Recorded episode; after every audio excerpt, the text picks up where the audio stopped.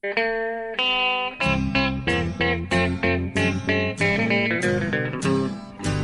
out there, we're on the air. It's hockey night tonight. Tension grows, the whistle blows, and the puck goes down the ice. The goalie jumps and the players bump, and the fans all go insane. Someone roars, Bobby scores at the good old hockey game. Oh, the good old hockey game is the best game you can name.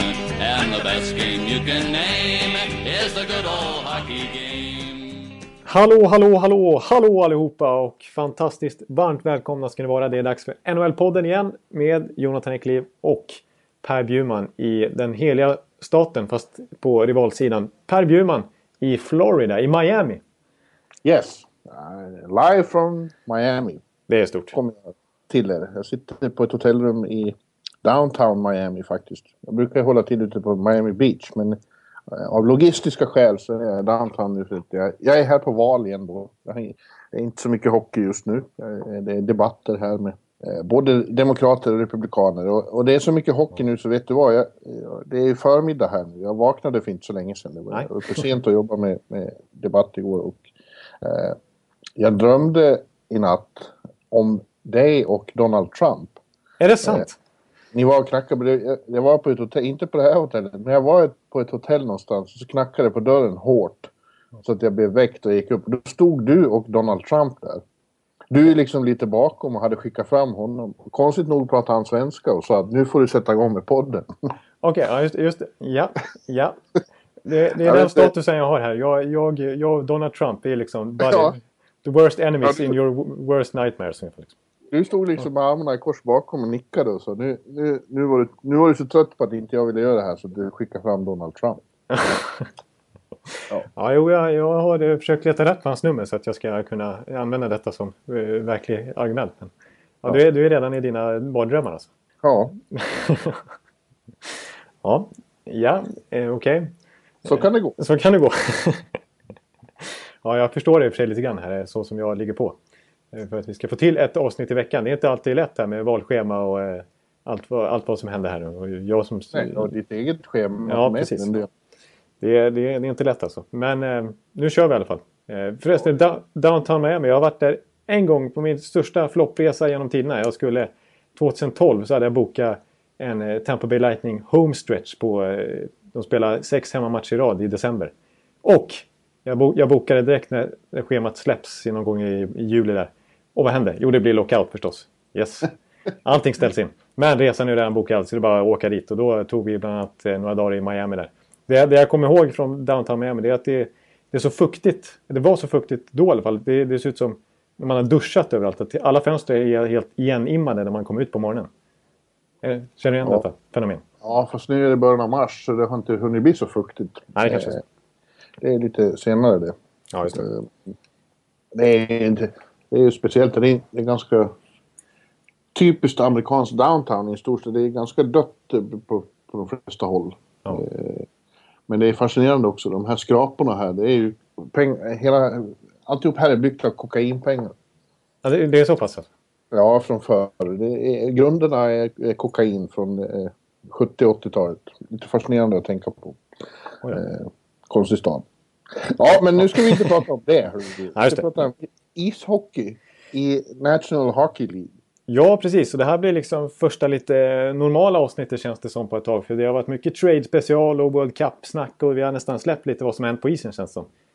Eh, nu, nu kan vi börja fokusera lite mer på slutspelsrace och mer Ja, faktiskt det, hockeyn på riktigt. Och släppa lite det här spekulationerna hit och dit. Ja, vi kommer spekulera en hel del idag men då handlar det i alla fall om vad de ska uträtta på isen. Eh, inför... Det är bara exakt en månad kvar nu. Ungefär. Nej, inte riktigt. Lite drygt. Lite drygt. Ja, det är exakt en månad kvar tills... Eh, ska vi se här. Egentligen tror jag det skulle vara slut eh, den eh, nionde. Men så vart det två matcher den tionde också. Det kan ju vara de som... Ja, det kanske var var som sköt fram. Ja, just det. Ja, eller hur? Vänta, ska vi se vilka det är nu då. Islanders... Eh, ja, precis. Islanders, Philadelphia och Washington Anaheim. Ja, det är väl sådana som vart i- uppskjutna det. Ja, just det. Framförallt minns jag då att Washington... Jo, men det stämmer. Ja, men det, det var ju Ja. lämpligt att det är exakt en månad då när vi spelar in den här podden. Så det var ju... Ja. Ja, sen, sen så började den stora festen. Då. Ja. Då blir det inte mindre jobb för dig att göra. Det brukar vara två månaders eh, konstant resande och eh, bloggande och så vidare. Torktumlare. Ja. Men det är ju å andra sidan bästa tiden. Torktumlare är ett bra uttryck. För vad som pågår då. Ja. ja. Men jag tänkte, jag tänkte, för vi kommer snacka lite om slutspelssträcken och vilka lag som... Det är ju en del kamper både öst och väst, även om det kanske är lite färre lag inblandade i år än vad det brukar vara. Eh, just om vilka som kommer ta de här platserna. Men jag tänkte vi tar, lite, tar upp lite små puckar i början här. Vi, eh, det blev klart eh, till exempel vilka utomhusmatcher som ska spelas nästa år. Ja. Ett fenomen som du och jag brukar klanka ner lite på för att vi börjar bli lite trötta på det. Ja, eh, ja det är som det är. Det, det blir alltså fyra stycken nästa år så det är till och med en mer än i år va? Ja, exakt. Det stämmer ju. Mm. Ja. I år var det bara två Stadium Series väl och en Winter Classic. Och nu ska det vara dels en Heritage Classic redan i oktober då, mellan Winnipeg och Edmonton. Ja, eh, ganska i Winnipeg. I Winnipeg, precis. Det, det är ju, och det, det, känns som att det som eh, lockar lite mer med de här matcherna som börjar bli en, en hel grej av paketet med, med utomhusmatcher. Det är ju The Alumni Games. Inför. Eh, det var en häftig sån här eh, när Colorado mötte Detroit och det var Forsberg och det var Sakic och det var Iceman och det var Lidström och hela gänget. Liksom. Mm. Och Lem, ja, Claude Lemieux och hela... Ja, mycket fantastiskt fina trupper. Och det, det, är ju potential för hyfsat fina matchups där mellan Winnipeg och Edmonton också. Gretzky snackas det om, det snackas om Teemu Selänne, Dale Hoverchak. Vi kanske får se Thomas Sten. Ja, det, det, och jag menar Edmonton har ju rätt mycket att, att plocka fram där i, ur sin... Ja. Om man säger så. Det kan man säga. Ja, men sen är det då...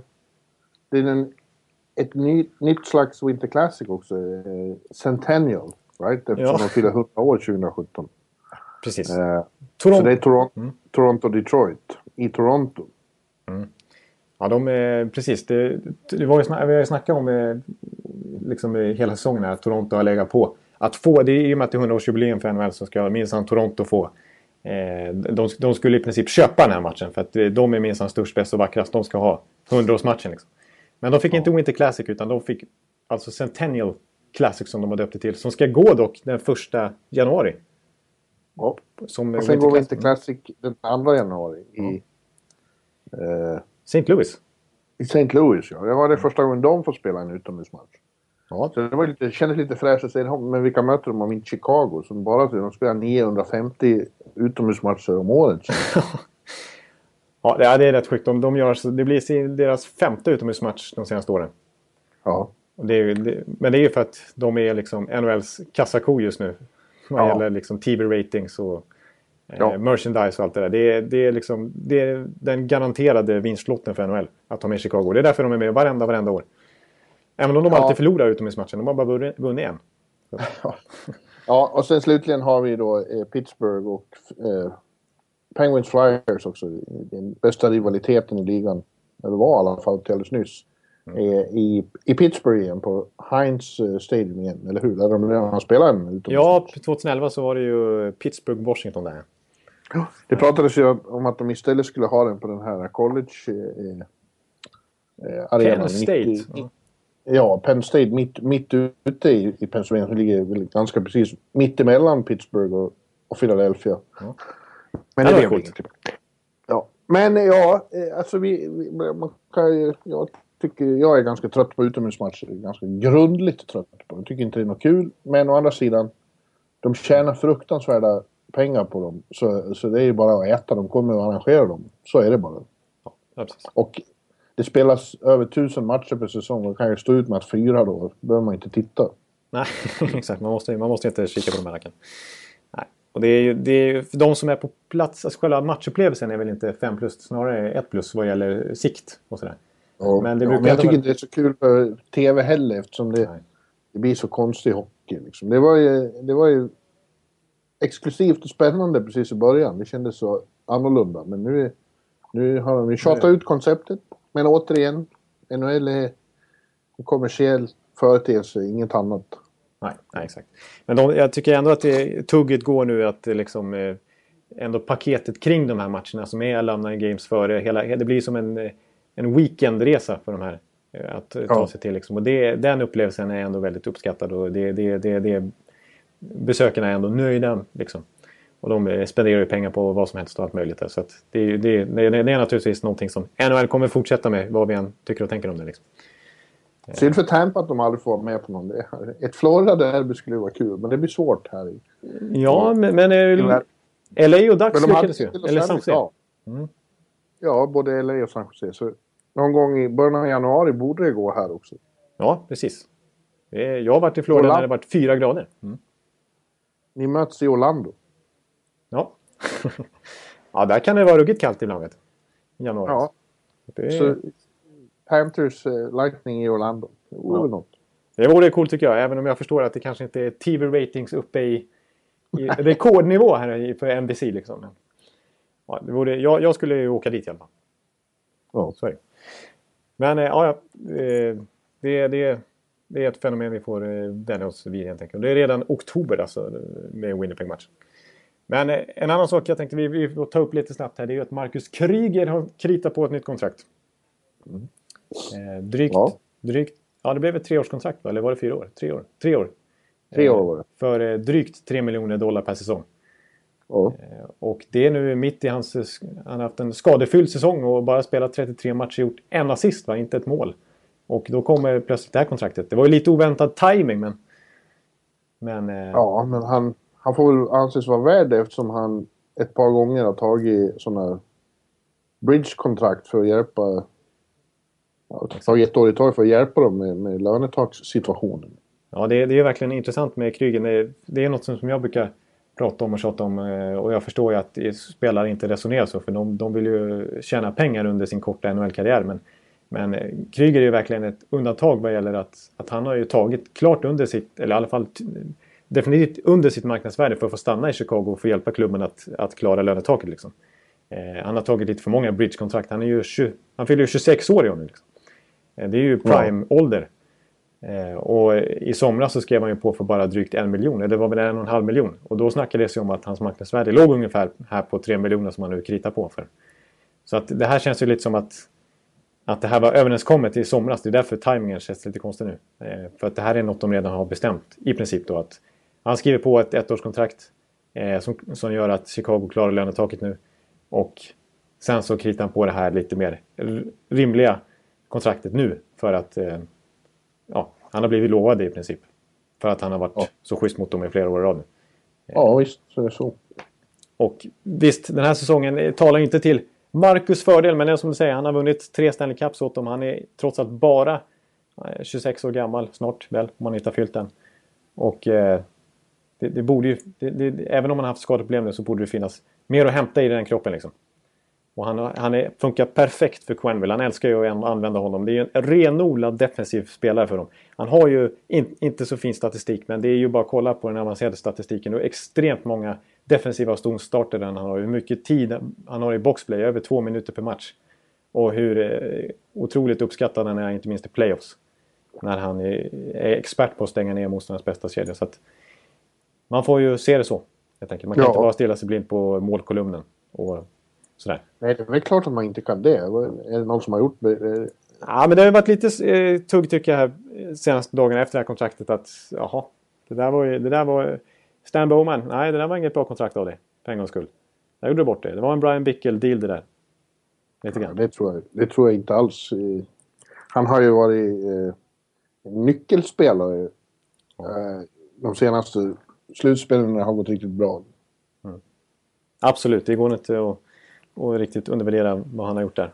Ändå, får man ju säga. Han, är, han har väl varit med under alla tre Stanley Cups dessutom, sedan 2010.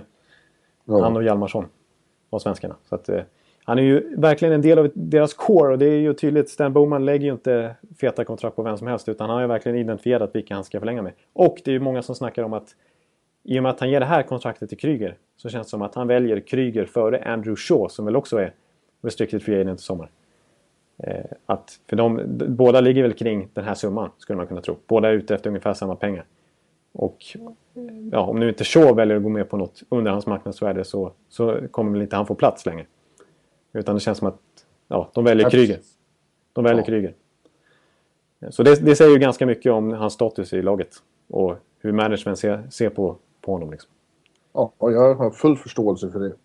Ja. jag tycker att han, eh, nu när han blir frisk igen, också är given i, i, i den World Cup-truppen, den svenska. Ja. ja, vi snackade lite om det förra veckan och jag var lite orosmoln för hans skada här. Men jag håller med dig. Alltså, en frisk Marcus Kryger som fjärde center, det är ju en... Där är han ju svår, svår att bräcka liksom. Alltså, ja, jag tycker att han, jag tycker att han plötsligt känns underskattad av Bortgren bara för att han har varit skadad hela säsongen. Men ja. det, det, är man ju ibland.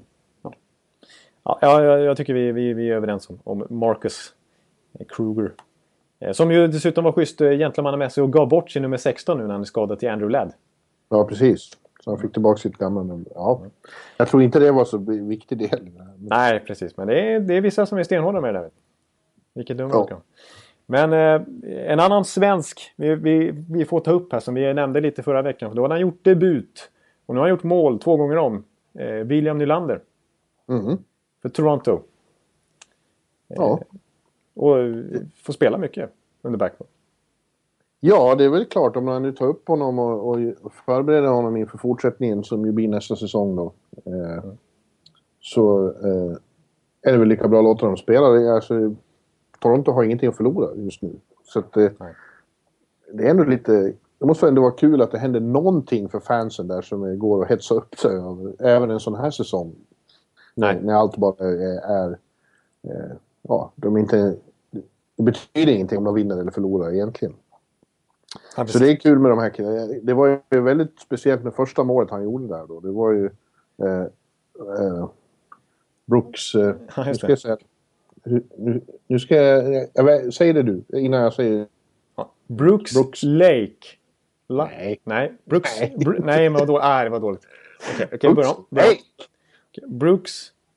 Brooks Like. Ja, ungefär. Ja. Brooks, ja. säger vi. Han... Han, eh, han slog alltså... Han stod för assisten när Mikael Nylander 2009 gjorde sitt sista mål i NHL-karriären. Just det. Nu stod han för första assisten till sonen Williams första mål. Ja. I NHL-karriären. Det var ju lite speciellt. Han borde få eh, en honnörsplats vid middagsbordet hos familjen Nylander vid stora högtider. Ja, exakt. De har ju inte brist på plats vid matbordet där i alla fall, så han får nog plats. Jo, det är väl det de har. Ja, det kanske det har, precis, exakt. Men de, jag tänker att de eh, borde ha en sån... Eh, de har väl en hel plenisal till matbord, ja. ungefär. Så mycket familjemedlemmar han har där. Ja. Men, ja, Eh, ja, ni, ni, jag har inte sett honom så jättemycket för jag håller ju på som sagt med valet då. Eh, mm. Men... Eh, ja, jag har sett lite grann av, av, William och jag tycker han spelar ju nästan han spelar mellan 50 och 20 minuter, 15 och 20 minuter per match hittills. Eh, och jag menar, det är inte så alltså det är, Han konkurrerar ju med Brooks Like och Colin Greening och Mikael Grabner och sådana här eh, avdankade spelare höll jag på att säga. Så att det, det är ju verkligen Eh, läge för honom att och liksom visa upp sig här. Det, det, det, det, det här är ju Torontos framtid. Jag menar, eh, ja. Zach Hyman och, och eh, Kasper Kapanen och Nikita Sorsnikov som har kallats upp också har ju, har ju visat framfötterna allihop tycker jag. Men ja, jag tycker Nylander, han, är, han gör det bra. Han, han är så här, alltså, han har verkligen den här oräddheten som är lite signifikativt för många av de här som har kallats upp i år. Alltså, den här pondusen på isen, Larkin, Eichel, McDavid. Ja. Domi-grejen, det är liksom, de, de är inte rädda och blyga när de kommer upp i NHL utan de, de vill hålla i pucken, de vill skapa chanser, de vill liksom synas och, och göra avtryck. Och det tycker jag Nylander gör. Visst, det har inte varit supereffektivt hittills och de har åkt på många snöpliga uddamålsförluster nu i Toronto sen han kallades upp. Eh, även om de vann här nu härom natten mot Islanders så Nylander de, kvitterade i slutminuten. De har ju inget lag. Så det, jag säger igen, det spelar ingen roll om de förlorar eller vinner. Nej. Men uh, han har gjort det bra och som du säger, det där med självförtroendet. Jag har ju träffat honom några gånger. Och, mm.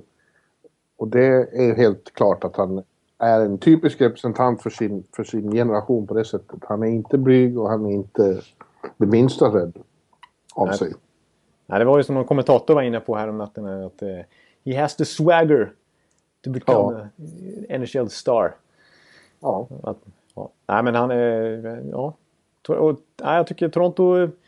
Det blir... Det blir eh, ja, nu, nu börjar det, det, tunga jobbet här för nu har de hållit på här och, och masat ner laget ganska ordentligt. Eh, och det, de har tagit tunga kontrakt emot sig. De har byggt upp massa draftval. Men nu, nu, börjar man ändå, nu börjar de ändå ploppa upp lite grann deras prospect här, som faktiskt under Shanahan-eran har kommit in. Eh, jag menar Kapanen, Hyman där som de bytte till sig i fjol också på, på Ekeliv maner det vill säga han är Toronto-kid. Ja. De, de bytte till sig honom från Florida för de, de lokala anknytningar känns det som lite grann. Så att, eh, och, ja, och nästa år kanske Mitch kommer in där och grejer. Och det, det, det, det, det måste, man måste ändå säga att de har ganska mycket spännande talanger på gång alltså. Så att, eh, Verkligen, och eh, kommer att få välja fler i, i draften i sommar. Ja, exakt. Och det, vi får se nu hur de gör med till exempel Nylander. Det är lika bra att låta honom spela för de har ju... Alltså, han, får ju, han är ju så pass bra nu att, att han, och konkurrensen är så pass svag i, i övriga truppen också att han får ju spela som sagt 18-19 minuter per match. Och, eh, eh, men, men problemet är då lite grann om, de skulle, om, om man har passerat den här 10 matchersgränsen då, då bränner de ju ett ELC-år. Ett eh, entry level, ett år på hans entry level D när han bara tjänar under en miljon dollar.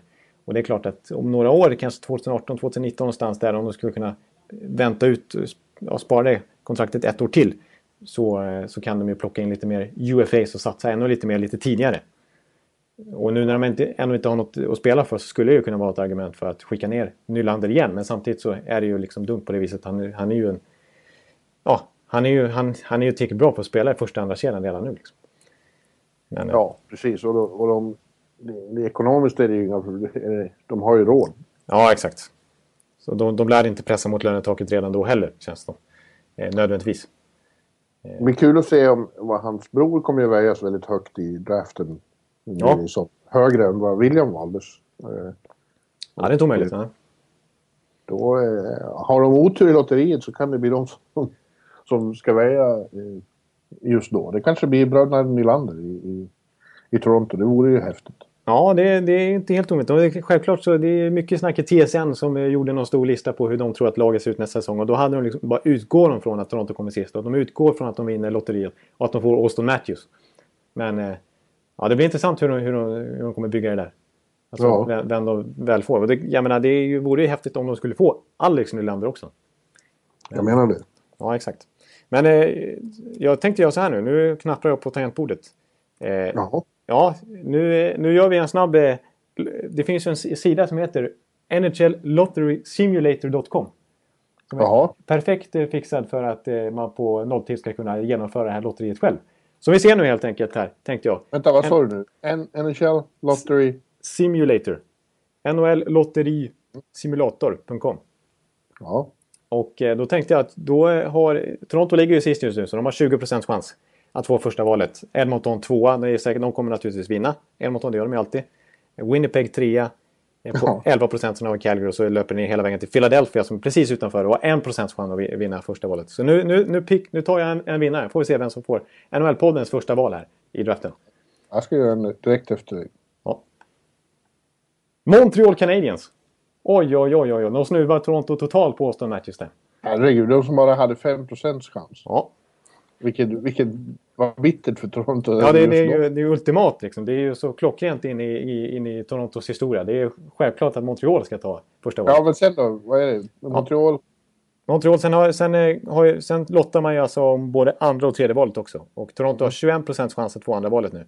Det blir Ottawa Senators. det är lokal Det här stämmer ju inte. Så här blir det ju aldrig. Nej. Ja, de där lotterierna när de har den tv-sändningen, det är den tråkigaste tv-sändningen på hela året. Ja. De tar upp skyltar och det, det händer ingenting överraskande. Nej, det är alltid Edmonton ja. som vinner liksom. Ja. Ja, ta tredje också. Tredje, det blir Calgary Flames. Ja. Bara ja, jag... Ja. Och då blir det kanske eh, Alex Nylander då som fjärde valet. Ja, jag säger ju det. ja. Ja, nu ska, jag, nu ska jag... Det här lät så kul så nu måste jag också göra det. Ja, gör det. Winners Toronto. Är det sant alltså? Ja. Du får Toronto, ja. Snyggt. Ja. Trycker man bara på samma en? Då, ja, det är bara att trycka en. Ja. Edmonton. Edmonton, de får andra valet. Ja, okej. Okay. Ja, då, då, okay. då är det procentsatserna följer rätt ordning för dig då. Och Winnipeg. Och Winnipeg. Så här har vi draft order Toronto, Edmonton, Winnipeg, Calgary, Buffalo, Arizona, Columbus. Vancouver, Montreal, Ottawa, New Jersey, Carolina, Colorado, Philadelphia. Ja. Mm. ja din var lite mer logisk måste jag säga. ja, Min var lite mer cool tycker jag. Ja, det hade ju varit fantastiskt om det gick så. Det var mer lottovinster där. Ja, exakt. exakt. Och både Ottawa och Montreal före Toronto, det vore helt sjukt. Alltså. Då skulle ju, oj oj oj, Lula Moriello skulle stämma NHL. Ja. Det skulle bli kaos. Ja. Nej, men eh, vi får väl gå vidare efter denna lilla segment av eh, Toronto Draftlotteri helt enkelt. Och lilla, lite reklam för NHL Lottery Simulator som är en mycket bra sida. Ja, ja nu... Det föreställer jag mig att många lyssnare går in där och leker lite. Ja, men det är kul. Det är, man hamnar där ibland. Eh, men jag tänkte från en 18-19-årig eh, William Nylander så måste vi bara nämna det. Vår poddfavorit, i alla fall din favorit. Jag har ju klankat ner på honom hundratals gånger och det har jag fått ångra bittert. Jaromir Jagr. Som mm. ju har gjort sin 1851 poäng och är förbi Mr Hockey Gordie Howe i antal poäng. Tredje. Ja, ja, han går upp på tredje, ensam trea på tidernas, i tidernas poängliga. Helt och han, eh, fortsätter han en säsong till så kommer han ju förmodligen att komma ikapp även Mark Messier på andra platsen. Ja, just det. Han hade ju redan varit där om han hade... Eh, det är ett jävla tjat om det, men det är svårt att, att bortse ifrån att han faktiskt spelade tre säsonger i KHL mitt i karriären. Ja, det går inte riktigt bort men det är klart att det, och det var ju år han hade definitivt producerat mycket poäng i NHL också. Ja, så då hade han varit på andra platsen redan. Men han kom ju inte ikapp eh, ettan Wayne Gretzky. Det är inte meningen att någon någonsin ska komma ikapp honom. Och ja, det kommer inte att göra heller. Nej, för han har ju typ mer assist än eh, Mark Messier har poäng. Så att... Ja, precis. Det är helt sjukt. Ja. Men eh, ja, det är ju det, är det som är kul när Jagger får frågor om det här efteråt. Eh, så snackar jag om, eh, liksom, ska du fortsätta mer? Liksom, vad, ser du slut på karriären? Och då, visst, han är lite mer ödmjuk nu och snackar om att han tar det dag för dag och han vet inte hur han kommer känna sig imorgon. Men som han känner just nu så liksom utesluter han ju inte att han ska spela tills han är 50. Nej. Att han är, Gordie, kan hota Gordie House rekord där också. Gordie Howe är ju äldst genom tiden, enda spelaren i NHL över 50. Och, ja. och, och, 52 år och 11 dagar tror jag han var när han gjorde sin sista match. Och det snackar ja. jag, ja det är inte omöjligt liksom. Nej. Why not? Nej, precis. Och jag menar, han, gör, han är, kommer se ut att göra 60 poäng i år igen. Liksom. Eh, och står ju, som vi har varit inne på eh, flera gånger, han sitter och cyklar på träningscykeln eh, före alla Barkov juniorer dyker upp där. Och han är kvar och, och tränar extra och han är ute på träningsrinken på lediga dagar. Liksom. Ja. Han vet inget bättre än att spela hockey. Liksom. Det är det han vill göra. Sjukt. Och det var lite kul också när jag såg Dave Tippett kommentera, eh, kommentera Jagger här för någon matchen. När Arizona slog dem med 5-1. Eh, slog Florida. Då, då fick liksom Tippett frågor om Jagger. Och då eh, hade ju reportrarna glömt bort lite grann att Dave Tippett han är ju inte... Det känns ju som en riktigt ärrad NHL-coach liksom. Men, men, eh, han har ju varit lagkamrat med Jaromir Jagr en gång i tiden. Liksom. De spelade ja. ihop i Pittsburgh i början på 90-talet. Så att jag menar, han, hans eh, generationsglappet där av spelare han har, han har lirat med är ju ganska enormt alltså. Han har liksom varit med Brian Trottier som var kung på början av 80-talet. Det har också varit lagkamrat till Jaromir Jagr liksom. Så att... Eh, ja, det, det är en... Ett unikum. Verkligen. Känns, vi får köra Jaromir Jagr-låten, eh, One to Punch-dänga där i slutet av podden igen tror jag. Ja, eh, det finns ju... Det, har, det finns ju den här, det har vi varit inne på, eh, kritiker som säger titta, det säger något om NHL att så, så gamla fortfarande kan vara men han är ju den enda. Ja, ja. Eh, det är ju tvärtom att det blir svårare och svårare att vara, att vara gammal i NHL för det går så fort och, och det är young man's game. Ja. Han är ett eh, exceptionellt undantag och ja. fantastiskt på det sättet. Ja, jag tycker alltså det är lite så här till och med tyckte jag att det märktes lite på en sån som Marty St. Louis som är så otroligt vältränad och liksom tar hand om sin kropp och superseriös. Att han, ja, sista året, åren där så var det inte riktigt samma. Av naturliga skäl naturligtvis. Men jag menar, Jaromir Jagr är, är ytterligare 3-4 år äldre liksom. Och hänger på. Oh. Så det, det, det är sjukt. Och vi ser ju sådana som, vi har ju varit inne på det flera gånger, men senaste exemplet är ju lite Eric Stahl liksom. Som inte riktigt hänger med på samma sätt längre. Han är fortfarande en effektiv och bra spelare, men inte alls den där superstar som han var för för några år sedan. Och det är, han, det är ju farten som är grejen. Liksom. Ja, han är, men han är en tredje kedja i sitt nuvarande lag också. Eh, ja. Han har fått hoppa ner. Han, han, har gjort några bra matcher nu med, med eh, Rangers. Ja. ja, då ska jag inte gnälla på honom. ja, ja, men han har inte, inte så att han har dominerat på något sätt. Men han har varit... Ja. Nej, men vi ser, alltså, är de tillräckligt skickliga liksom, då kan de ju anpassa sig till nya roller och, och vara effektiva. Alltså en, en riktigt bra tredje till exempel som Eric Stahl då. Men även Mike Richards har ju sett bra ut där i Washington. Ja. I den rollen. Och även eller Cavalier har ju anpassat sig perfekt till en undanskymd roll i, i LA Kings. Precis. De, är, de, har ju smartness i huvudet men de har inte riktigt kroppen för att eh, orka tunga minuterna och bära det ansvaret som de gjorde en gång i tiden. Ja, kul är det i alla fall. Ja. Jags slår ja. de här, stiger på den där evighetslistan. Ja, precis. Man älskar ju dem. Man, är, man har ju oerhört... Jag är ju alltså, oerhört svag för de här killarna. Det är ändå... När jag växte upp där på... Var en liten grabb och samlade hockeykort i slutet på 90-talet. Då var det ju, då var det ju Jagger de här killarna. Han är ja. den sista som är kvar. Jag menar, Keith Kitchak och Mark Recker de, här, de har ju lagt av. De är inte kvar Inte Peter Forsberg heller. Precis. Ja, men... Eh, ska vi gå in lite på slutspelsracet här? Det kan vi göra, hörru du. Mm. Eh. Ja, ja, eller ska vi börja med Washington? Ja. Kan vi göra? Kan vi göra. Washington... Ja, vi tänkte bara nämna det faktumet att de är ju... Eh, deras överlägsenhet är ju faktiskt remarkabel. Ja. Eh, de är inte bara först upp på 100 poäng, står på 103 nu. Eh, ja. De har ju också 15 poäng till godo på tvåan Chicago. Som är, är tvåa i sammanlagda tabellen med 88 poäng. Och vi är alltså eh, långt in i mars. Det är inte så jättemånga matcher kvar. Eh, de har ju vunnit President's Trophy i princip redan. Eh, med sån fantastisk marginal. Det är ju, det är ju riktigt eh, imponerande. Ja, ja, faktiskt. Det här är, visst, vi snackade inför säsongen att både du och jag hade Washington som en seriös utmanare i allra högsta grad till att inte bara var, gå till final och vara bäst i Eastern utan att så, kunna utmana västlagen och bryta den trenden. Liksom. Ja. Eh, men att de skulle vara så här fullständigt överlägsna i grundserien, det, det såg man inte framför sig. Även om man vet att Washington traditionellt sett är ett bra grundserielag. Så är, det här är ju någonting utöver det vanliga i cap-eran. Liksom. I Eastern har de 19 poäng till godo på två. Eh, de spelar i ett eget universum. Ja. Jag, alltså visst, det, det är ju fortfarande en liknande core som man... Eh, det är ju Bäckström och, och, Ovechkin naturligtvis som är de stora förgrundsfigurerna fortfarande.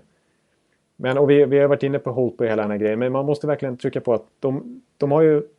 Det är två saker de har saknat under Bäckis och... Skulle jag vilja, framförallt vilja säga, under Bäckström och eh, Ovechkin-eran.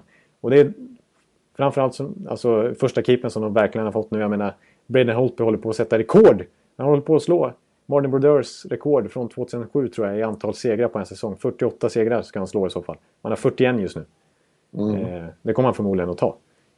Om det fortsätter så här. Eh, och, men också, som jag eh, verkligen vill trycka på. Det, är ju, det har ju snackats otroligt många år om att de inte haft någon one-two punch. Att de har saknat den här centerryggraden.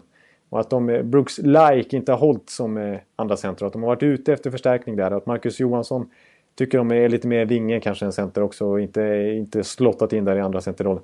Men nu har de ju, jag menar nu är Evgenij Kuznetsov är ju, han leder ju interna poängligan. De har ju två stycken super första centrar i laget just nu. Ja.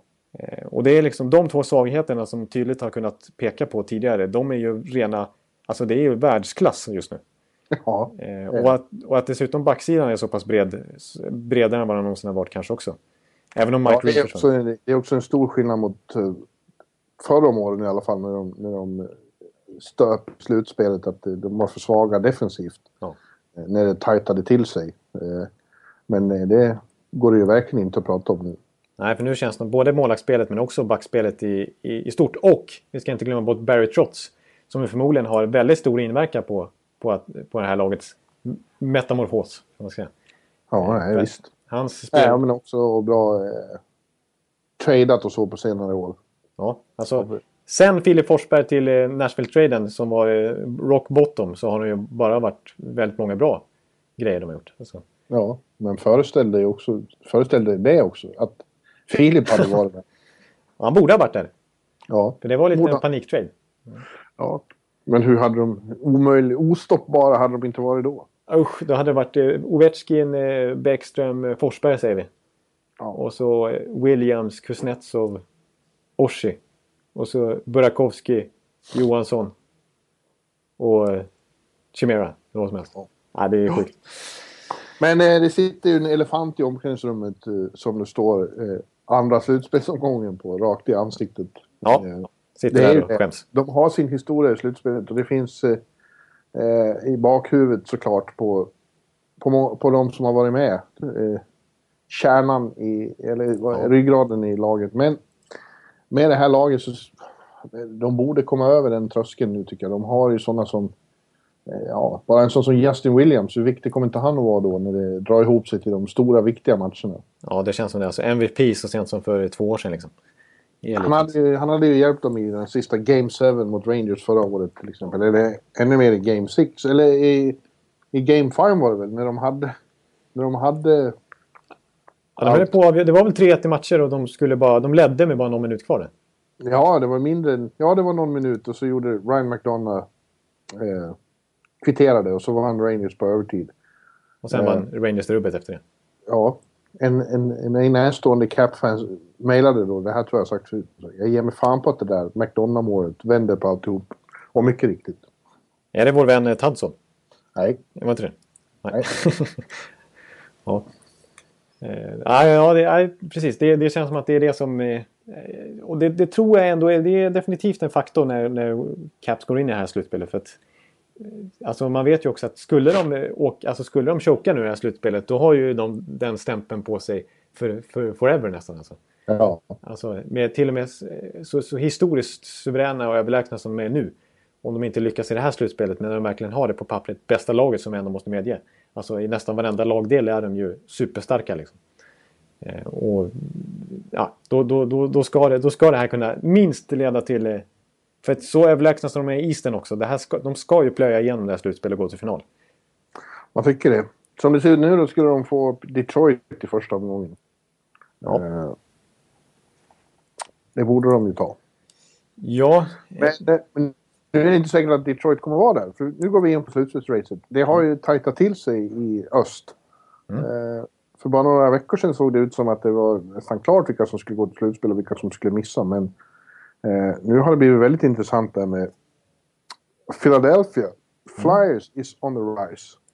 Ja, det känns som att vi knappt har pra- pratat om Philadelphia på några månader. För de har känts uträknade och de har hoppat fram och tagit några segrar hit och dit. Men vi har inte riktigt tagit dem på allvar.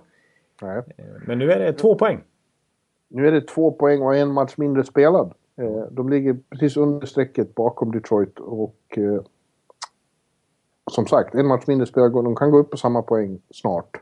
Om Detroit... De spelar inte förrän till helgen tror jag. Nej. Men i alla fall. Det är, det är jävligt spännande att det har blivit på det sättet.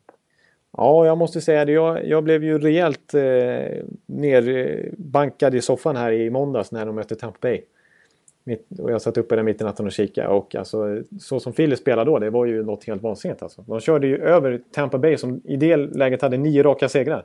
Fullständigt spelmässigt. Ja. Det stod ju Ja. 1-0 länge. och Tampa gjorde ett, ett litet turmål där. Av, eller, ja, de stack fram och gjorde ett mål i början av matchen. Men sen var det ju... Alltså Philadelphia sköt 90 skott mot kassen i den målet. I, den eh, matchen. Eh, det- 40 skott på mål tror jag. Men det var helt sjukt vad de bombarderade. Och de hade registrerade målchanser hade de mer än vad jag någonsin har sett. Jag tror de hade upp mot 40 registrerade målchanser.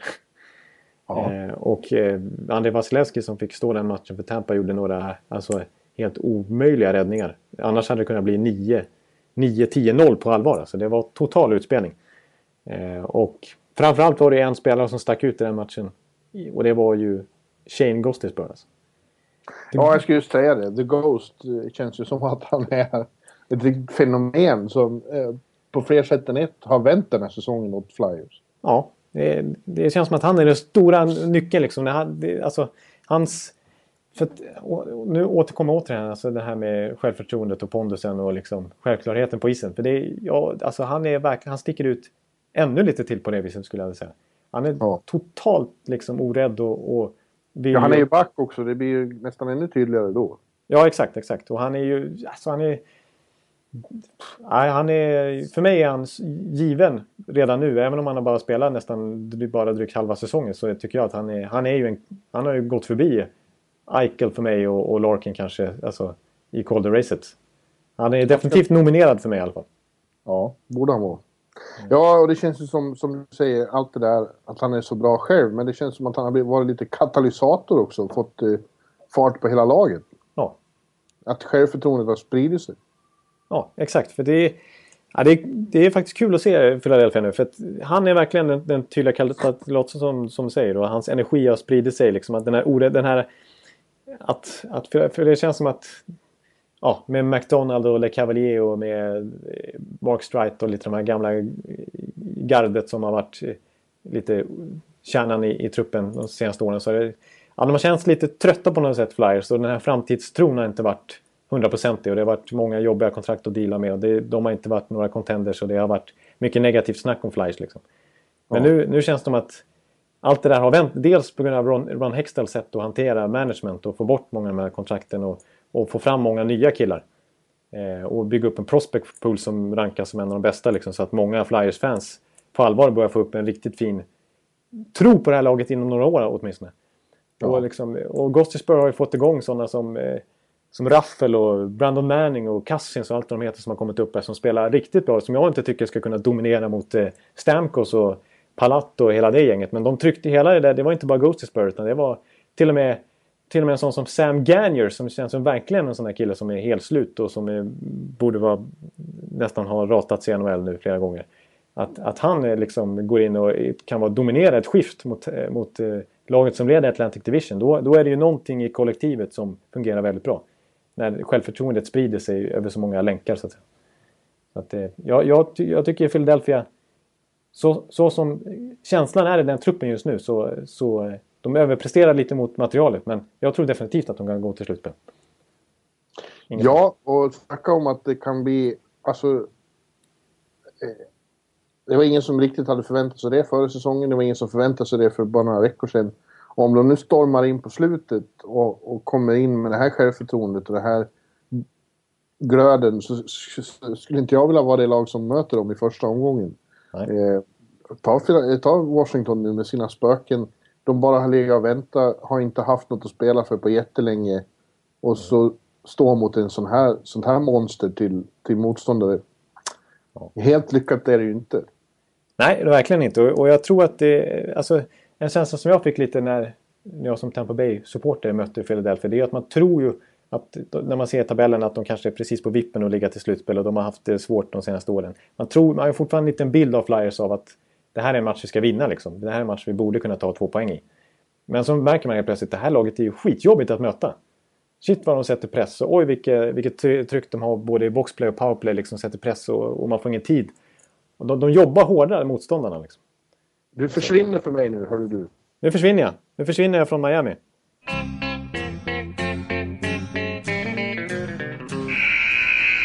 Och det som är lite pikant nu också det är väl att de faktiskt, jag menar Pittsburgh talade vi väldigt gott om här för några veckor sedan efter Hagelin-traden och det såg väldigt bra ut. Men nu kan det ju faktiskt bli så, det skulle kunna bli så vi, att, att de petar ner Pittsburgh från en playoffplats.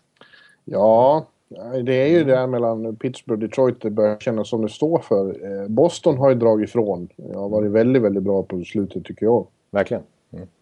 Det känns som väldigt lyckade trader där. Det var ingen som tänkte att jaha, vad är det här för små trader? Liksom. Stampniak till exempel. Ja. Men han har varit perfekt i Boston. Funkar perfekt med Marchand och Bergeron. Alltså. Det är ju en, ja. en av, kanske, kanske NHLs bästa kedja just nu. I alla fall eh, topp tre. Ja, Boston har fått ordning på grejerna och slåss ju om första platsen i Atlantic med Tampa och Florida som harkar lite bakåt men inte så långt. Så, ja, nu är det ju ja, 16, 17, 18 matcher kvar och så. Men ändå, det känns som det är Pittsburgh, Detroit, Philadelphia som gör upp om de där wildcard-platserna. Mm.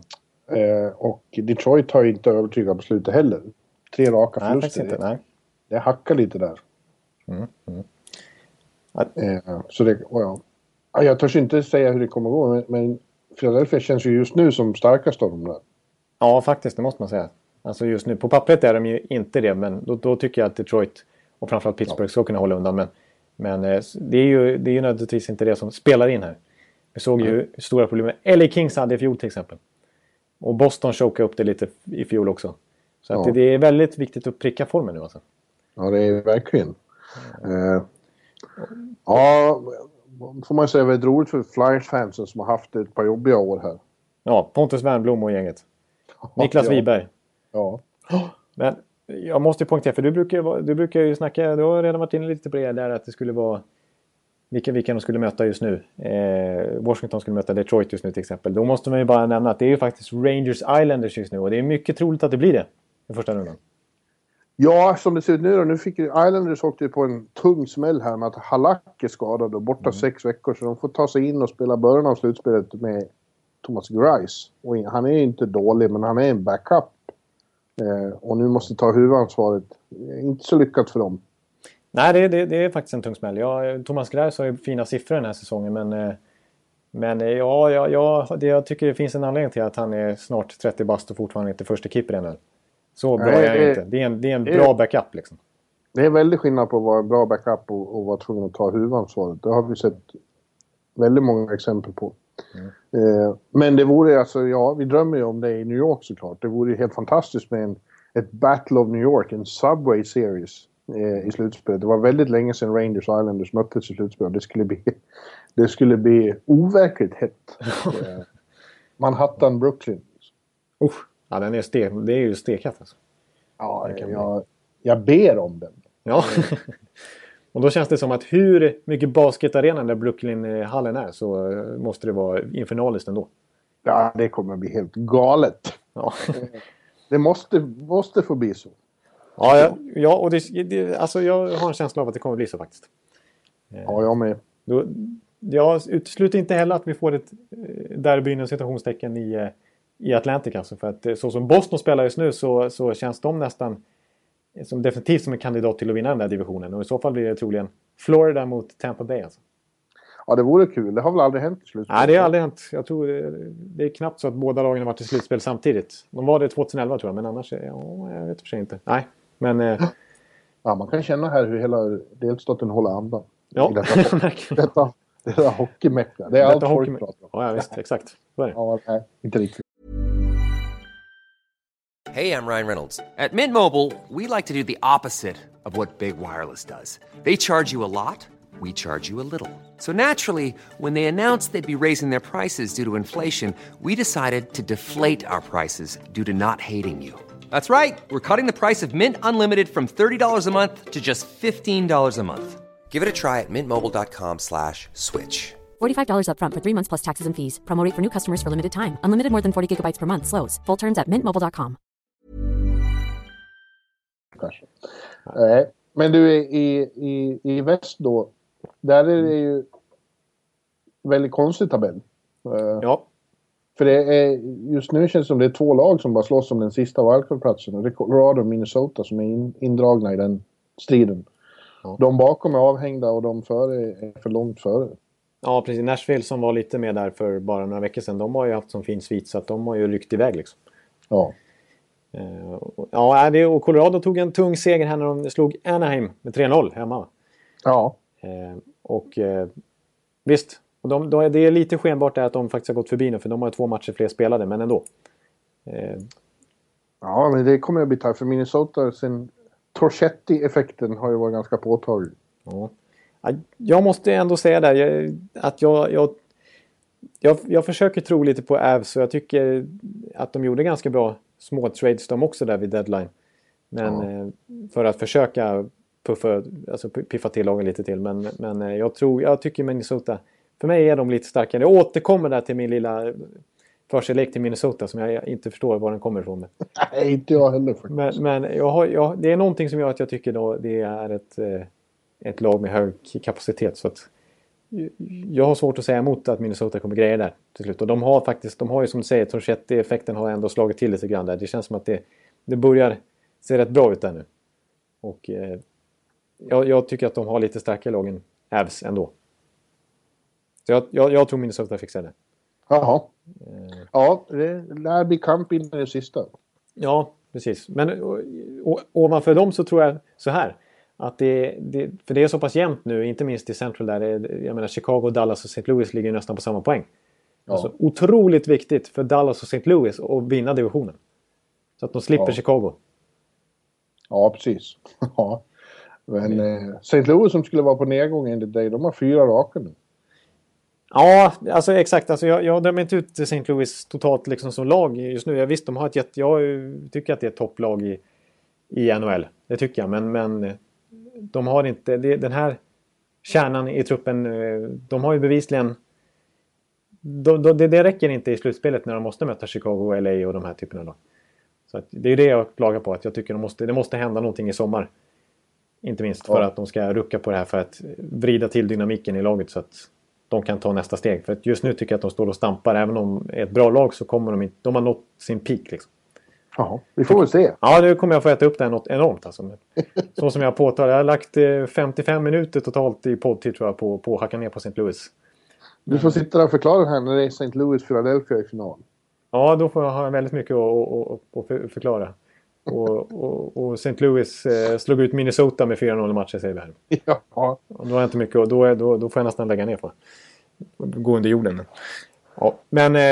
Och sen tror jag också faktiskt, alltså på andra sidan där, att det är också viktigt att vinna divisionen. Alltså för, inte minst för Sharks alltså. Det är ju en stor skillnad om, om, man, om man hamnar tvåa, trea och tvingas möta LA Kings eller Ducks. Mm. Eh, eller för, ja, för den delen Sharks kanske. Så jag, jag tror det finns lite att spela om ändå i båda divisionerna. Ja, det gör det absolut. Eh, även om det känns ganska slutspelsklart eh, överlag. Där. Men, mm. just, nu skulle, just nu skulle det vara Nashville, Los Angeles-Nashville. Mm. Mm. Spännande serie. Ja, spännande serie. Eh, inte, inte helt givet att LA promenerar hem den på något sätt. Nej. Där Nashville är, är starka. Också, om de kan få igång Rinne så måste jag säga att då tycker jag också att de är sådär ett typiskt lag som är liksom jämnt fördelat över alla lagdelar. För de, de börjar få igång sin offensiv nu också med den här markerande Ryan Johansson-traden och Filip Forsberg som är på väg mot nästa steg och blir verkligen den här superstjärnan i NHL. Ja. Så att, mm. Mm. Backsidan är ju en av de bästa. Så att, ja. Yes, ja, du nämnde Rinne där. Då kommer man osökt in på nästa ämne, eller hur? Ja, vi, vi måste ju... lite på eh, Awards-racet också. Vi tänkte köra en liten update här vad vi, vad vi, hur vi står just nu. Vem som ska få respektive de stora priserna. ja, och eftersom vi nämnde honom då så kan vi ta Vessina och han är inte aktuell där riktigt. För han har Nej. haft en halvdan grundserie för att mm. vara Pekarinne. Mm. Uh, ja, det blir lite diskussion igen då. Uh, I mitt kommentatorspår till exempel i bloggen rasade då en diskussion om att uh, Henrik Lundqvist borde vara aktuell igen för att bli nominerad. Ja. Det som tar emot det är då en lång svacka i december. Hans längsta svacka i NHL-karriären antagligen. Mm. Men han började fantastiskt och nu är han tillbaks i, i samma form som i början av säsongen och ser väldigt bra ut. Och fortsätter han så här in i mål mm. så tror jag också att eh, han är... Han borde vara en av de nominerade där tillsammans med... Ja, de främsta konkurrenterna är Holtby, Corey Crawford och eh, Mrazek. Ja, det, det, det, tycker jag är de som sticker ut också. Ja. Just de fyra. Eh, om man ska ja, nämna. Ja, jag, jag tycker det. Någon nämnde Bishop också, men det, det var ett Tampa-fan så jag vet inte riktigt. ja, jag skrev upp Bishop här när jag, på mina, jag skrev upp lite namn när jag kunde tänka mig. Och visst, men... men eh, nej, han, han var inte så bra i år. Ja, alltså framförallt var det påtagligt i, i början av säsongen när Tampa var som sämst de första månaderna. För att eh, han var ju, stod ju på huvudet då i flera matcher och gjorde att de inte rasade ihop totalt. Utan för spelmässigt då såg det riktigt kast ut. Men, men Bishop vann ju några matcher åt dem faktiskt då. Och höll dem flytande liksom. Eh, så att eh, Bishop har gjort en jättebra säsong. Men, men, statistiskt får man ändå se upp lite mer till... Alltså, det, det, tyckte jag, apropå Lundqvist då, alltså, det var ju en intressant artikel av Travis Jost som är en skicklig specialanalytiker eh, av avancerad statistik och som jobbar lite för TSN. Eh, som skrev hur... Alltså att man glömmer bort Lundqvist lite grann. Att man bara utgår från att han är en av NHLs bästa målvakter. Den enda gången man liksom lägger märke till Lundqvist det är när han har någon platt match då och då. Han mm. får inte riktigt den credden han egentligen ska förtjäna när han har sina långa stretches av succé. I alla fall i, i, i Nordamerika kanske man glömmer bort honom lite grann. Eh, visst, men han har enorm stjärnstatus där, men han får inte riktigt den här kvällen för hur fantastiskt bra målvakt han är. Och det, statistiskt har han ju jättefina siffror i år. Alltså han är bäst räddningsprocent till 5 mot 5. Eh, och han får, och det, det som var intressant att konstatera i Joes artikel där också var ju att han får väldigt svåra skott emot sig. Att han, han och Kari Rämö är de målvakter som får flest skott från farliga områden. Liksom. Hur man nu ja. definierar det. Men i någon statistikparameter där att de, ja, det är närmast målet så att säga. Och, och eh, någon statistik som visar också liksom eh, ja, alltså hur, hur många alltså så här, lägen där det, bruk, där det blir som flest mål. Alltså, alltså typ eh, kontringar och sånt där. Den typen ja. av lägen. Eh, svåraste för en målakt så att säga. Där, där har Lundqvist också överlägset bäst statistik i NHL. Alltså ganska överlägset bäst statistik. Eh, jag tror en, titeln på den kategorin var typ antal mål man räddar åt sitt lag per säsong. Per ja, ja. och i, i det avseendet är, är han ju liksom nästan hartvärdig också på samma sätt som Price. I, inte i, i, samma utsträckning. Vi ser vad som händer med Montreal när, när Price försvinner. Eh, men, men han är ju extremt, extremt viktig för Rangers. Eh, Ja. Det går ju att tala för att om han inte var den han är så skulle de inte vara något slutspelslag just nu. Nej, det skulle man absolut kunna argumentera för. Visst, visst har vi sett backup som Ranta delvis den här säsongen och Talbot i fjol gå in och göra väldigt bra ifrån sig. Men som sagt, över tid. Ja, Ranta har varit... Han är upp och ner. Alltså. Ja, precis. Han har haft några platsmatcher nu. Ja. Så att det, det är ju... Han är ju verkligen hållhaken. Han är grundpelaren för New York Rangers. Ja. Ja. Så jag tycker definitivt eh, att han ska vara nominerad.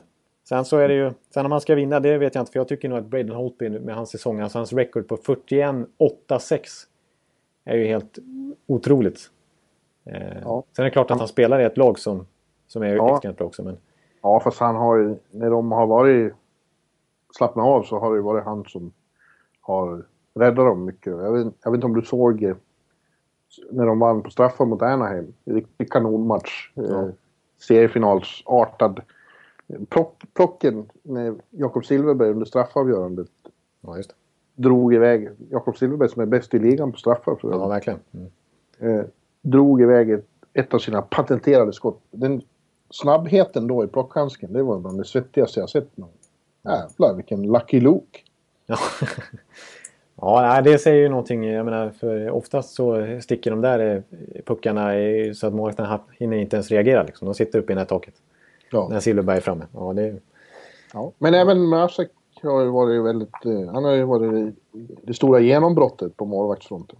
Precis. Och Detroit som har haft en lite ojämn säsong överlag eh, och med målproduktionen ibland och det var, de har haft Kronvall och skadad och lite problem på den biten så har ju Mrazek, då har de kunnat luta sig mot ett fantastiskt bra målvaktsspel från Mrazek. Ja. Så han känns ju verkligen som att han har etablerat sig som en, en, en topp 5-målvakt får man nästan säga i NHL. Och, ja. och Tjeckien har fått fram ytterligare en stor målvakt. Efter någon... Mm. Ja, men du, vi måste gå vidare. Ja, vi går vidare. Vi kör eh, Norris. Ja.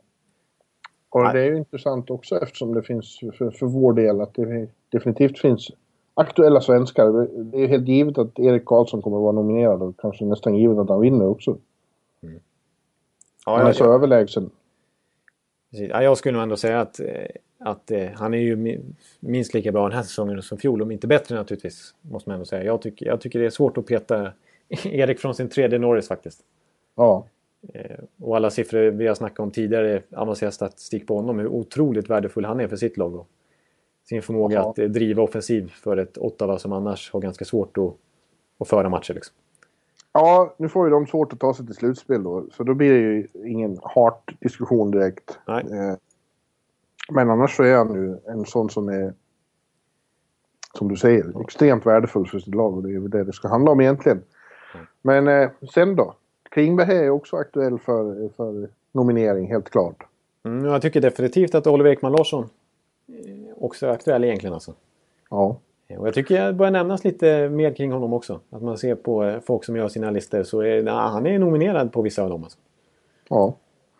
Ja, det är inte omöjligt. Men det, det, det, finns ju fler. Det finns Brent Burns har ju en väldigt fin säsong i, med sitt helt eh, bisarra skägg. Sitt bibliska skägg. Ja, ja det, det var en korrekt eh, analys faktiskt. Ja, jag tycker att han är, att han är NHLs bästa powerplayback. Skulle jag säga. Till och med, jag håller honom för nästan Erik Karlsson faktiskt, just den spel, spelformen. Ja. Alltså hans förmåga att bara ta in pucken i zon och bomba skott mot mål. Alltså, han, har ju, han har ju så fruktansvärt mycket skott registrerade på mål den här säsongen så det ska ju inte finnas att en back kan komma upp i de siffrorna. Eh, men jag tycker sen naturligtvis är ju Drew Dowdy en sån som många lyfter fram också. Ja. Ja, ja det, har ju pratats länge om att han eh, Eh, förtjänar att vinna Norris. Men eh, han lever samtidigt som han har sin karriär samtidigt som Erik Karlsson. Då blir det inte så lätt. Nej, nej, exakt. Och det som alltid är hans, eh, det som är nackdelen för Drew Dowdy som gör att han aldrig har vunnit, det är att han aldrig gör 60 poäng som Erik Karlsson. 60-70 poäng. Utan han brukar, ju- nu har han ganska mycket poäng nästa säsong. 45 tror jag han ligger på just nu. Men annars brukar han bara komma upp igen 35, 40, 45 totalt på en säsong. Och det, det räcker ju oftast inte i konkurrensen. Liksom. Man måste bidra lite mer offensivt. Även om jag tycker att han är extremt skicklig. Spelmässigt alltså. På, alltså han, kan, han är, ja, jag tycker i defensiv zon och vad gäller att hantera svåra situationer, man måste komma ut med pucken och fatta snabba beslut med väldigt lite tid på sig. Då, då tycker jag det inte finns någon bättre back än Drew Dowdy faktiskt. Nej. Nej. Ja, ska vi ta, ska vi ta eh, Calder? Eller Calder kan man säga. Ja, det ska vi. Ja. den, är, den är intressant. Också. Ja. Ja, i- extremt. Eh, du nämnde ju just eh, The Ghost. Ja. Jag tänker bara säga, för jag har så svårt att... Ja, det, det, går inte att uttala hans namn på ett korrekt sätt. Det går inte. Nej. nej. Eh, men eh, ja, vi har ju sagt det, det är en väldigt, väldigt bra rook- rookie-säsong. Eh, Tycker jag, med extremt intressanta namn. Eh, Conor McDavid har ju spelat, tycker vi, många alldeles för lite eftersom han var skadad så länge. Men sen han kom tillbaka så har han nu varit eh, bländande. Ja. Eh, om det inte hade varit som konkurrens så hade han varit given, men nu är det ju det. Eh, Av Panarin i, i Chicago. Detta under, som inte pratar engelska men pratar hockey. Ja, han, pratar hockey, ja. Exakt. Och han sin ligger- radarpartner Patrick Kane. Och, och vi har Larkin som du nämnde. Vi har Eichel och vi har Domi och vi har Duclair. Och vi har Reinhardt och vi har Bennett och vi har Ehlers och vi har Fabry. Och, Pareko. ja, Pareko, den gamla eh, Ekeliv-favoriten. Ja. Men om vi måste ta några då. Så, Ghost is Bear. Ja, alltså, om jag skulle nämna måste, mina... vara, måste nästan vara, eftersom han är back och gör helt fantastiskt, så han måste vara nominerad. Ja, jag, jag tycker nog. Jag tycker det. Ja, för, mig, för mig så säger jag nog ändå... Jag tycker det är lite svårt att peta Jack Eichel faktiskt. Men jag skulle nog ta Panarin, Ghostisburg och McDavid ändå. Ja. ja, jag skulle ta Larkin. Ja, Han, gör, han, han halkar ner lite i poängligan men eh, ja, det kommer inte bli så. Men eh, jag tycker att han är, när man ser honom, är så jävla fantastisk. Det kan bero på att jag har sett honom mer än jag har sett Eichel. ja. Eichel är ju definitivt mer spektakulär med klubban och sådär. Men, men, men Larkin har ju ett... ett Hans driv. Ja, hans Ja. driv är ju helt otroligt alltså. Och, och eh, hans... Eh, hans, han känns väldigt ansvarsfull. Han känns inte som 19 bast liksom när han är i sina aktioner på isen. Visst, ettrigheten känns ju som en eh, ung tupp liksom, men han, har, han är väldigt mogen. Han känns som väldigt kompatibel med Detroit-andan liksom. Han har smält in det perfekt. Eh, så att... Eh, ja, han känns lite så här Zetterberg Datsjuk-aktig nästan. Ja.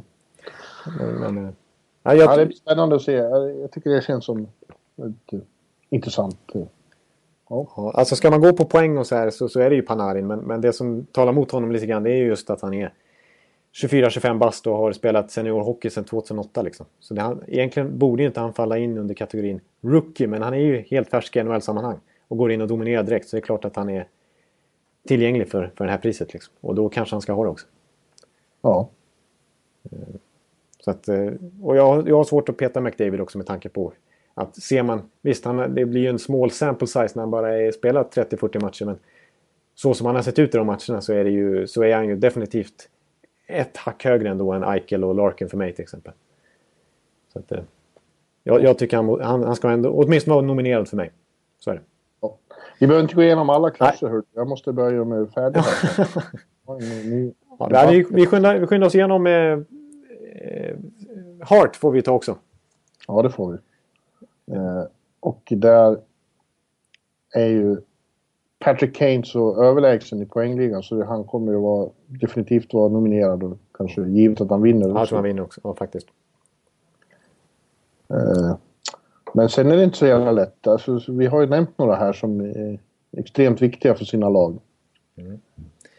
Holtby är, nämns ju bland annat, faktiskt. Ja. Erik Karlsson naturligtvis. Ja, men eh, i och med att Ottawa missar så... Ja, så Nej, jag såg att Joe, Joe Thornton nämndes av någon häromdagen. Han har en väldigt bra säsong. Ja, det vore lite oväntat att han är i dessa åldrande dagar skulle gå, gå in och plocka hem Hart liksom. Ja, ja vore vackert. En strålande säsong. Ovechkin. Ja, det är klart. Riktigt viktig i sitt lag. Ja. Eh, sen tycker jag det är kul att många, många börjar lyfta fram faktiskt Patrice Bergeron också. Ja. Eh, ja. Han, han hade... Eh, det var någon match här när någon slängde in att vi borde bara prata om Bergeron. För att han hade så fantastisk match. Men ja, visst, det är en gudabenådad hockeyspelare. Ja, det var, det var någon Boston-fan där såg jag på eh, i någon blogg som hade eh, räknat ut massa statistik som kanske inte var helt eh, klockren jämförelsemässigt. Men det var ändå kul att konstatera så, som hade jämfört hans, hans impact på Boston till exempel. Eh, det här med course och grejer. När han inte är på isen så är de ungefär lika svaga som Colorado vad gäller eh, alltså possession. Eh, medan när han är på isen så är de långt över 50 procent. Då är, då är det de som för spelet och dominerar. Och då ska man ändå komma ihåg att han har extremt mycket zonstart defensivt. Får ta mycket viktiga tekningar i defensiva lägen. Han spelar nästan alltid matchas mot den bästa kedjan i motståndarlaget. Så att han har extremt tuff uppgift varje match. Att, att eh, framförallt defensivt från Claude Julien. Men ändå så är det han som för spelet för Boston. Och leder väl poängligan i laget och är nära 30 mål den här säsongen och har ju en offensiv utdelning i år som är betydligt bättre än tidigare. Så han ser ju, ser ju faktiskt ut att slå personligt poäng och målrekord. Mm. Eh, och eh, togs ut som en given spelare i Kanadas World Cup-trupp också. Så är frågan då om man får med sig Brad Marchand som vi har snackat lite om tidigare som också har en jättebra säsong. Ja, ja men Kane vinner. Kane vinner. Fast. Jag vill bara ta en, en eh, kategori till faktiskt. Ja. Den är kanske lite konstig, men Jack Adams, årets coach. Vem skulle säga att det är? Ja, jag säger Barry Trotz. Ja. Ja, visst. Mm. Han är svår, svår att, att, att, komma förbi. Men även vår vän i, i Florida. Ja. Heter Gerard Galant. Ja, han har gjort det galant. Han har gjort det galant, ja. ja. Men även några av de här från eh, nya coacherna har ju gjort det väldigt bra. Ja. Tycker man ju. Eh, Hackstall i ja. Philadelphia får man ju nämna nu när de går så bra. Som går direkt från college till, eh, till NHL. Och som snackade i början av säsongen att det var, han kände sig som en rookie i ligan som en spelare nästan. Han visste, vet, det är första gången han rör sig i den typen av 20 000 personers platser arenor. Han visste hur hittar man till omklädningsrummet och var ska jag gå nu liksom. Och, ja, vad, vad är det här för någonting? Liksom. Ja, det var det Heinz i New Jersey, nu ser de ut att missa då, men de gjorde ändå otroligt mycket bättre än man hade föreställt sig. Han har gjort en, ett enormt jobb där så att han är ju nominerad för mig nästan. Ska jag säga. Ja, och vad heter han i Detroit? Ja, vår vän eh, som har tagit över efter Babcock. Blashill. Jeff Blashill. Ja. ja. om de nu missar för första gången sen, sen, sen Moses gick i shorts så ja. kommer han inte att vara aktuell. Men ändå kliver in i en väldigt stor kostym och ja, ändå helt okej. Okay. Ja, verkligen. Det får man säga. Och sen så och Bill Peters i Carolina har gjort det väldigt bra också vill jag säga. Ja, men man ska ju gå till slutspel. Man måste gå till slutspel. Och då tycker jag tycker ett namn som är lite bortglömt ofta i, i Jack Adams-diskussionen. Eh, vi har bara hyllat Stan Bowman för att han har lyckats vända på det här laget. Men man får återigen säga att Joel Quenville, Quenville som inte har vunnit Jack Adams eh, något år under de här Stanley Cup-eran. Liksom. Han vann med St. Louis på 90-talet tror jag. Men, Q! The Q, precis. Alltså, jag menar, att han lyckas motivera de här killarna att återigen ja, leda Eastern Western sant. Conference. Det... Ja, det är verkligen sant. Han borde vara aktuell. Ja, men det hörde du. Nu ska ja. vi avrunda det här med 98 då. Ja, eh, hur många tror du eh, har haft nummer 98 i NHL-historien? Jag får för mig att det är några stycken. Ja, när jag går in på min eh, hockeyreference.com så hittar jag en. Ja, ja då hade jag fel. Ja, det är ju, och när jag såg vem det var så ryckte jag till och fnös och fick rysningar. Det är ingen favorit alltså.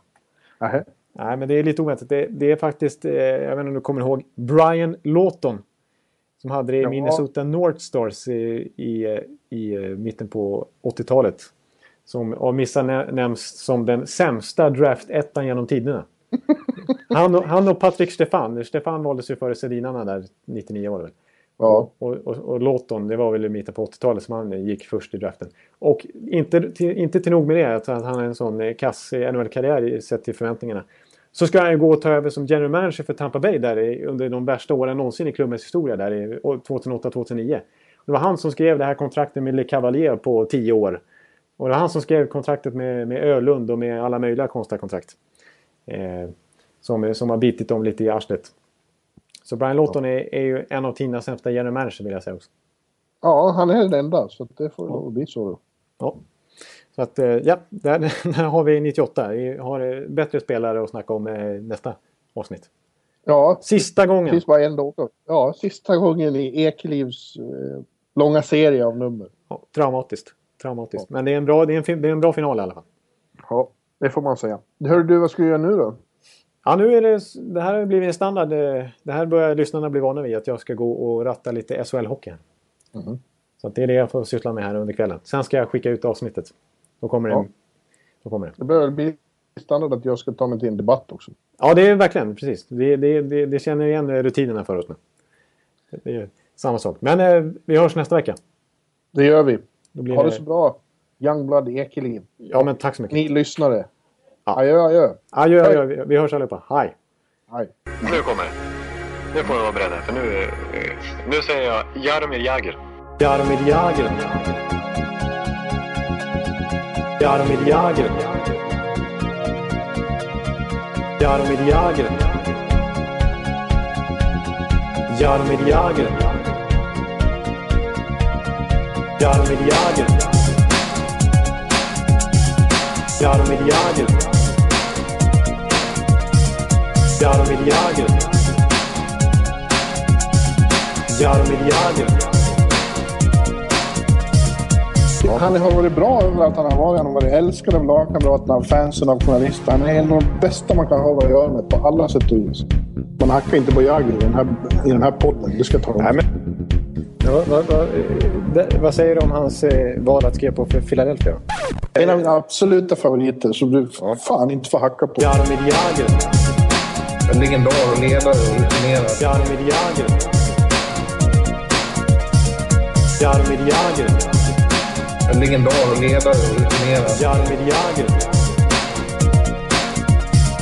Jaromir Jagr.